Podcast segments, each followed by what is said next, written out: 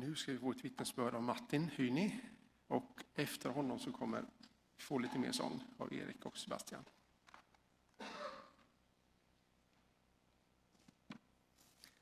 Vilken dag, vilket väder, helt underbart. Barnvälsignelse, ungdomar som berättar, glädje, stor tacksamhet. Det är mycket som vi har. Vi har familj, församling, hus, bostad. De flesta har god ekonomi. Har ni känt tacksamhet senaste veckan? Någon av er? Jag?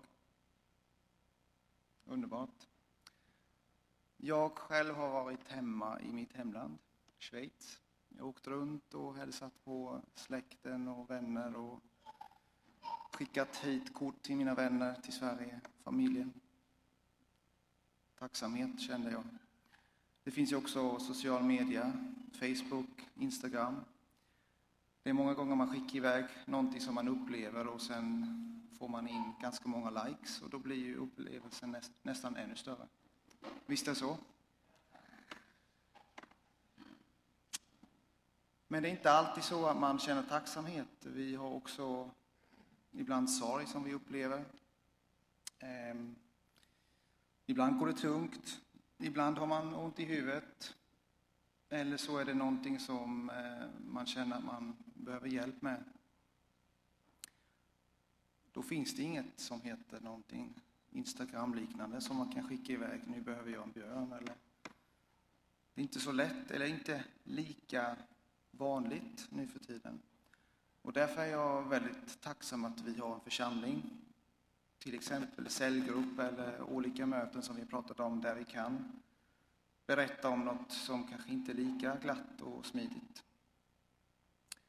Och eh, då vill jag gärna utmana oss varandra att vi istället för att vi kanske frågar en söndag hur har du det?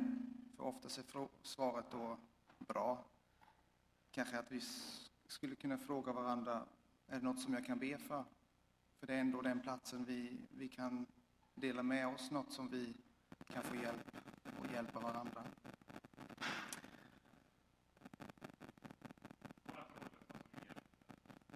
Hörs det dåligt eller?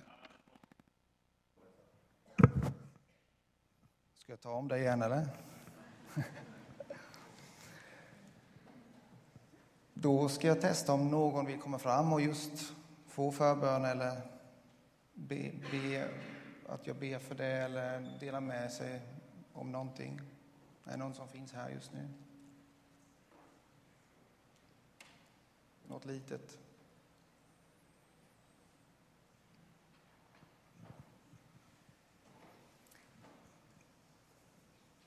Karin,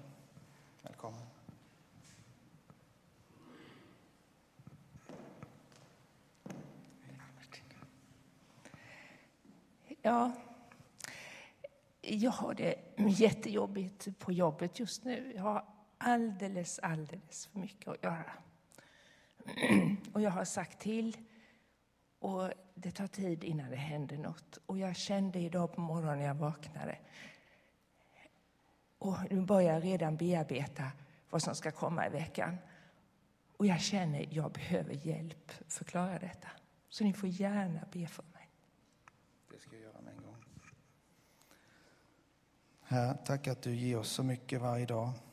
Tack att du är med oss på alla steg vi tar.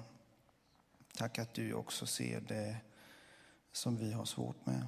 Tack att du hörde precis vad Karin sa. Nu vill jag att du lyfter bort hennes tyngd och låter henne njuta av denna söndagen. Att hon kan sitta i solen och ta en kopp kaffe och bara tänka på något annat. Du vet att du är med henne imorgon sen när det gäller. Men ta den tyngden ifrån henne just nu, att hon får fira den dagen med oss. Tack att du känner där hon just behöver hjälp. Tack att du också låter hennes chefer se att hon behöver hjälp. Och att kollegorna kanske kan komma fram och hjälpa henne. Tack att du känner just detta. Tack att du känner även det andra som inte har nämnts idag. Låt oss dela det med varandra och ta varandras hjälp och stöd i båda samtal och bön. Amen. Sen eh, som jag sa, jag kommer från Schweiz och det betyder att jag älskar choklad. Och jag har tagit med mig nyss ganska mycket choklad igen. Finns hemma i matkällaren. Det jag vill säga är att ni är alltid välkomna hem till mig. Lite choklad, kaffe, saft eller te. Min fru sitter där borta, Marie. Så ni är alltid välkomna. Oavsett om det är en kväll eller en morgon. Är jag hemma så bjuder jag gärna på det. Tack så mycket.